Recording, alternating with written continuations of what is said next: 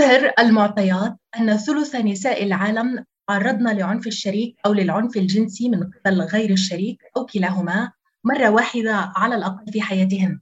وتقتل 136 امرأة على يد أحد أفراد العائلة يومياً. اليوم العالمي للقضاء على العنف ضد المرأة يتزامن مع تدشين حملة 16 يوما من الحراك ضد العنف القائم على أساس النوع الاجتماعي. انضم إلى أخبار الأمم المتحدة السيد محمد الناصري المستشار للمديرة التنفيذية لهيئة الأمم المتحدة للمساواة بين الجنسين وتمكين المرأة. أهلا بك مع أخبار الأمم المتحدة. أهلا وسهلا شيرين. بداية هل من الممكن أن تحدثنا أكثر عن الحملة التي هي أيضا بعنوان لون العالم برتقاليا؟ لننهي العنف ضد المرأة الآن؟ هي حملة لمناهضة العنف ضد المرأة وأي عنف قائم على النوع الاجتماعي. هذا العام هو العام الثلاثون لتدشين هذه الحملة التي تحدث سنويا بداية من الخامس والعشرين من نوفمبر إلى العاشر من ديسمبر. تبدأ كما تفضلت بأنشطة على مجال العالم لتلوين العالم باللون البرتقالي، اللون البرتقالي هو رمز لمناهضة العنف ضد المرأة والعنف القائم على النوع الاجتماعي. وليست صدفة أن اليوم الأخير من هذه الحملة هو أيضا اليوم العالمي للاحتفال بحقوق الإنسان. كما قال الكثيرون المساواة بين الجنسين وحقوق المرأة هو حق أساسي من حقوق الإنسان سيد محمد الناصري كيف لنا أن نعرف العنف ضد المرأة؟ لقد لاحظنا أنه يكتسب العديد من الأوجه مثل الإتجار، القتل، تشويه الأعضاء التناسلية وغيرها. وهذه هي الوجوه الأكثر تطرفا للعنف ضد المرأة ولكن العنف يأخذ أشكال كثيرة. عندما تمنع المرأة من مغادرة منزلها لممارسة العمل خارج المنزل هذا نوع من أنواع العنف. عندما تمنع الطفلة من الذهاب إلى المدرسة والتعلم هذا نوع من أنواع العنف فكما تفضلت العنف له أشكال كثيرة وعديدة وحتى في هذه الأيام وهذا العصر امتد العنف إلى العنف على صفحات الإنترنت وعلى صفحات التواصل الاجتماعي ويتناول العنف الجنسي يتناول عنف والتهديد بالقتل إلى آخره.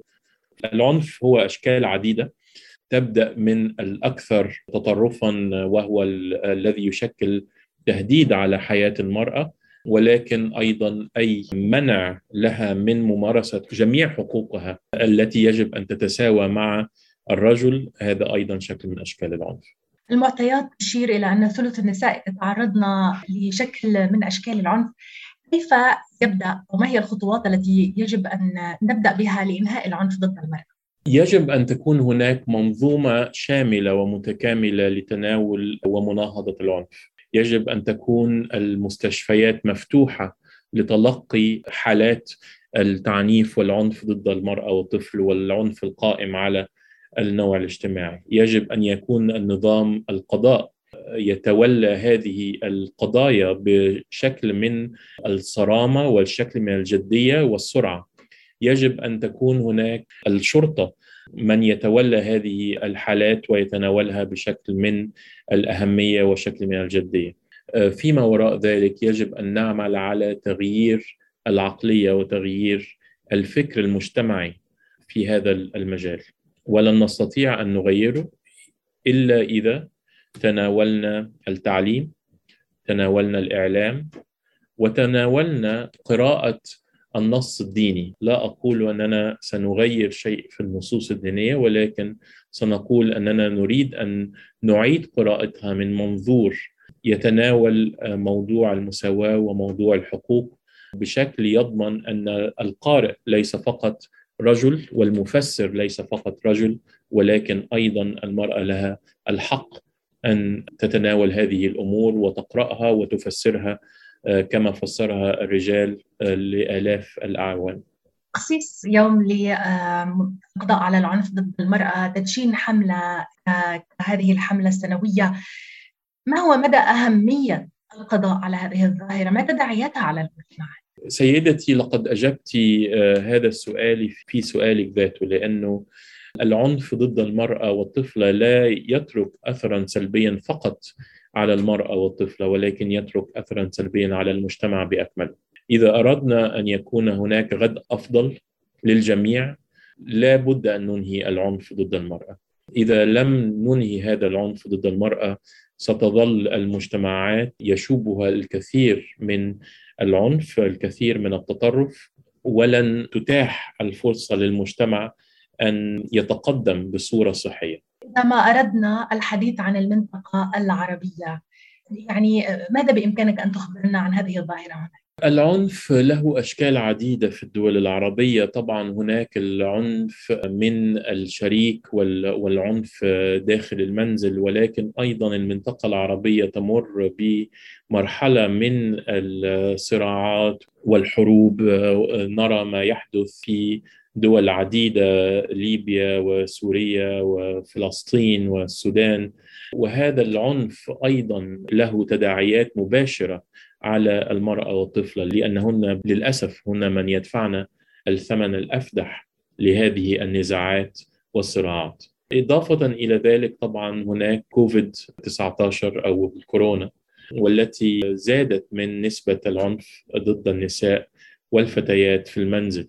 في التقرير الأخير الذي أصدرته هيئة الأمم المتحدة للمرأة وكان بحث في 13 دولة أن هناك تقريبا نصف النساء التي تم سؤالهن 45% أخبرنا الباحثين والباحثات أنهن تعرضن للعنف في خلال العامين أو العام ونصف المنصرمين على الكوفيد 19 بالفعل أردت أن أسألك عن العام الماضي وفترة الإغلاق وزيادة العنف ضد المرأة هل بإمكاننا أن نقول أن هناك تراجع في المكاسب التي تحققت في هذا المجال؟ نعم للأسف هناك تراجع ولكن في ذات الوقت هناك وعي أكبر بهذا الموضوع مع الكوفيد لو نتذكر أن الأمين العام للأمم المتحدة بعدها بعدة أسابيع قال أن جائحة الكورونا أتت بجائحة موازية وهي جائحة العنف ضد النساء والفتيات.